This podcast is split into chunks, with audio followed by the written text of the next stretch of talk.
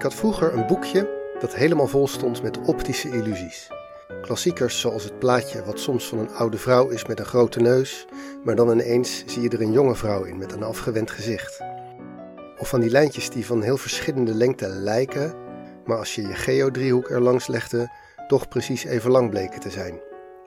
Of een pagina vol met geometrisch lijnenspel dat als je daarnaar kijkt lijkt te draaien op het papier.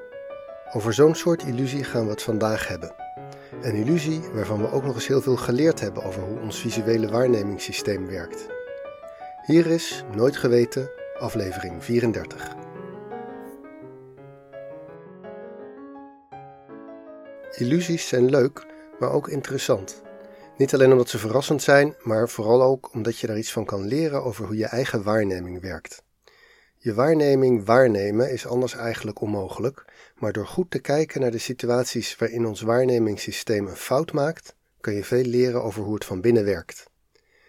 De illusie waar ik het vandaag over wil hebben, staat in de wetenschap bekend als chronostasis, oftewel het stilstaan van de tijd. Waarschijnlijk herken je het wel als ik het beschrijf. Het gaat om de volgende situatie.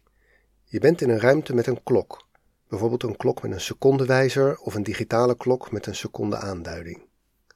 Als je op een willekeurig moment je blik van je werk of de tv afhaalt en naar de klok kijkt, dan zou je verwachten dat de tijd voordat je de secondewijzer ziet verspringen iets willekeurigs tussen de 0 en 1 seconde zou zijn. Soms springt hij net als je ernaar gaat kijken, soms duurt het een seconde, maar nooit langer dan dat. Gek genoeg is dat niet wat je ervaart.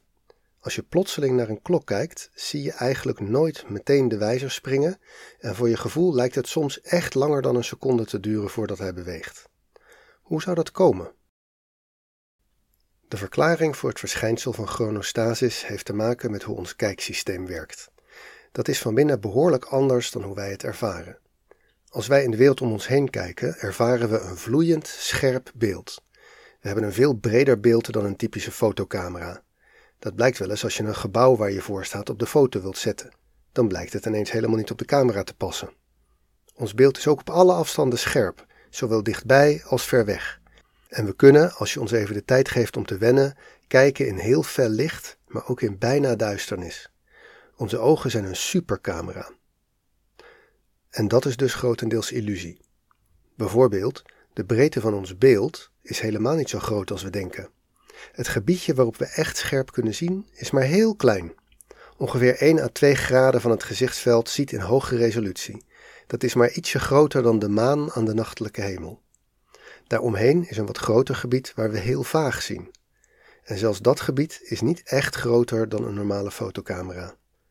Maar in ons hoofd voelt dat helemaal niet zo. Ons visuele centrum laat de ogen in sprongetjes naar allerlei details kijken en bouwt op die manier een mentaal beeld op van een veel groter gebied. Het is alsof je in hoog tempo kleine fotootjes aan het maken bent, die je op de goede plek op een groot vel papier plakt. Dus geen supercamera, maar eerder een soort panorama-software. Je hersenen laten je oog dus ook heel vaak in kleine sprongetjes bewegen. Die sprongetjes worden saccades genoemd en het gaat heel snel. Van alle bewegingen die het menselijk lichaam maakt, zijn deze oogbewegingen de snelste. Nou, eigenlijk de op één na snelste, want knipperen met de oogleden is nog iets sneller. Hoe snel achter elkaar dat gaat, dat verschilt. Als je bijvoorbeeld zit te lezen, dan maakt je oog een heleboel kleine sprongetjes over de pagina. Dan duurt één saccade maar 20 milliseconden. Bij grotere sprongen, bijvoorbeeld ineens van je boek naar de klok aan de muur, dan duurt de saccade veel langer, tot zo'n 400 milliseconden, dus bijna een halve seconde. Als het oog na zo'n sprongetje weer stilstaat, kunnen je hersenen dus van die nieuwe plek in hoge resolutie een fotootje toevoegen aan het overzicht. Maar wat gebeurt er eigenlijk tijdens de beweging?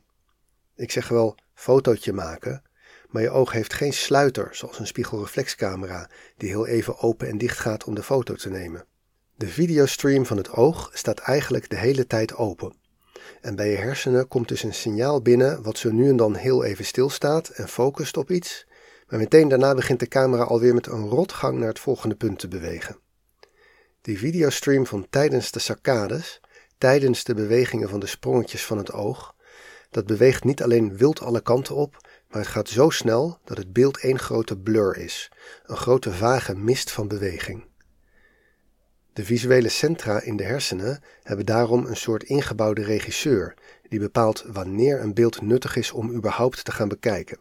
Die regisseur zet het beeld gewoon uit tijdens de sprongen en zodra hij ziet dat het beeld weer ergens op stilstaat, dan stuurt hij het beeld weer door naar de delen van de hersenen die echt gaan bekijken wat er in beeld is.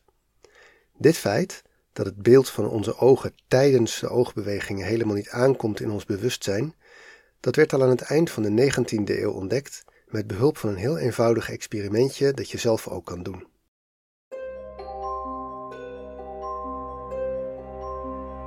Je neemt een spiegel en kijkt naar je eigen ogen. Eerst kijk je naar je linkeroog. Dan kijk je ineens naar je rechteroog. En dan kijk je weer naar je linkeroog. Om dit te doen moeten je ogen bewegen. Maar dat zie je niet. Je kan je eigen ogen niet zien bewegen. Iemand anders die jou dit ziet doen, ziet wel gewoon je ogen heen en weer bewegen. En dit komt dus doordat tijdens je oogbeweging het beeld in de hersenen even op zwart wordt gezet om je bewustzijn niet te vermoeien met die wilde bewegingen. Als je op je telefoon de selfiecamera aanzet als een soort spiegel, dan kan je ineens wel je ogen zien bewegen, want daar komt het beeld met enige vertraging op je scherm. Zou die ingebouwde regisseur meekijken met de videostream en het beeld alleen doorgeven als het niet te vaag is? Of zou het onderdeel dat besluit om het oog te verplaatsen ook meteen het signaal onderbreken?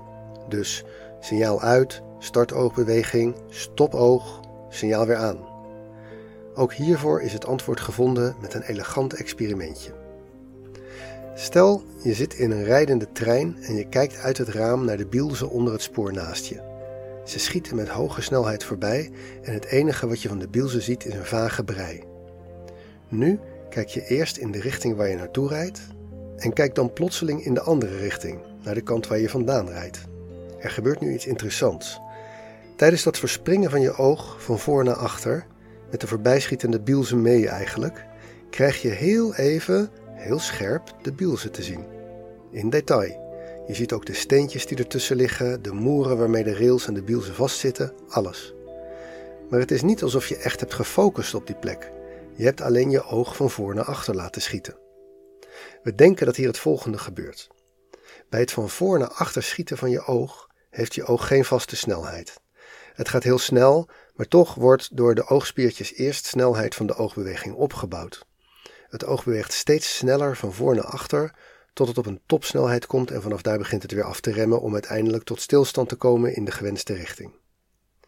Tijdens dat naar achteren bewegen met steeds grotere snelheid komt er op een gegeven moment een snelheid voorbij waarbij je oogbeweging en de beweging van de voorbijschietende bielzen buiten precies matchen. Het lijkt erop dat de regisseur in de hersenen meteen ziet: hey, dit is stilstaand beeld. En gedurende dat korte moment dat de snelheid klopt, het beeldje naar het bewustzijn even openzet. Op dat precieze momentje zien we ineens scherp de bielzen, de steentjes, de moeren. En daarom denken we dus dat de regisseur niet weet wanneer het oog zijn sprongetjes maakt, maar dat hij meekijkt met het binnenkomende beeld en de beelden telkens doorzet zodra hij geen bewegingsonscherpte ziet. Die kennis over saccades en hoe de waarneming werkt, wordt in de meest uiteenlopende vakgebieden gebruikt. Bijvoorbeeld in de marketing of bij het bestuderen van gebruiksvriendelijkheid van software wordt heel vaak gekeken naar de fixatiepunten van proefpersonen tussen de saccades. Je kan eraan zien hoe de blik van een proefpersoon geleid wordt naar of afgeleid wordt van de informatie die je graag wilt overbrengen. Ook bij allerlei psychologisch onderzoek wordt gebruik gemaakt van de precieze oogbewegingen. Ze onthullen vaak meer over hoe proefpersonen tot conclusies komen en hoe ze situaties inschatten dan ze zelf zouden kunnen vertellen. Bijvoorbeeld naar welke specifieke punten we kijken als we in een nieuwe ruimte binnenkomen met een aantal mensen erin, of als we een gezicht te zien krijgen. Terug naar de illusie met de stilstaande secondenwijzer. Wat gebeurt daar nou precies? Ik vertelde net dat de grotere saccades, bijvoorbeeld als je opkijkt van je boek naar de klok aan de muur, dat die tot wel 400 milliseconden duren, dus bijna een halve seconde. En gedurende die halve seconde zet onze regisseur het beeld dus op zwart. Op die momenten zien we niets, althans niet bewust. Toch merken we dat zelf helemaal niet. Ik ervaar niet dat mijn beeld een halve seconde op zwart gaat op zo'n moment. En dat is omdat ons bewustzijn voor de gek gehouden wordt. Net zoals we denken dat we een scherper beeld hebben dan we eigenlijk hebben, zo worden ook de momenten dat we niet zien voor ons verborgen. Onze hersenen vullen de gaten op met iets wat wel plausibel lijkt te passen op die plek. En vaak pas achteraf. En dat kan ook makkelijk, want ons bewuste kijken hobbelt toch altijd een stukje achter de wat basalere, snelle processen aan. Dus waar we eerst een foto maken van ons boek, dan een halve seconde niets en dan een eerste foto van de klok, daar wordt de stroom opgevuld voordat ons bewustzijn het te zien krijgt. En de makkelijkste manier om dat stuk zonder waarneming op te vullen is met de laatste waarneming ervoor en de eerste erna. Dus bij ons bewustzijn komt eerst nog wat langer het beeld van het boek binnen en dan wordt geschakeld naar het beeld van de klok. Een deel van die halve seconde wordt opgevuld met het eerste scherpe beeld van de klok dat we hebben. Daardoor krijgt die eerste seconde er een stukje bij. Als het ook nog gebeurt dat de wijzer net verspringt als je weer beeld hebt, dan denken de hersenen ook nog: hmm, dat eerste beeldje was een klein beetje anders dan het tweede en derde beeldje. Misschien vergiste ik me. En dan wordt die hele waarneming van dat verspringen weggepoetst. Allemaal heel nuttig en goed bedoeld, maar in dit geval klopt het dus niet. En zo komt het dus dat de eerste seconde als je naar de klok kijkt wat langzamer lijkt weg te tikken dan die daarna.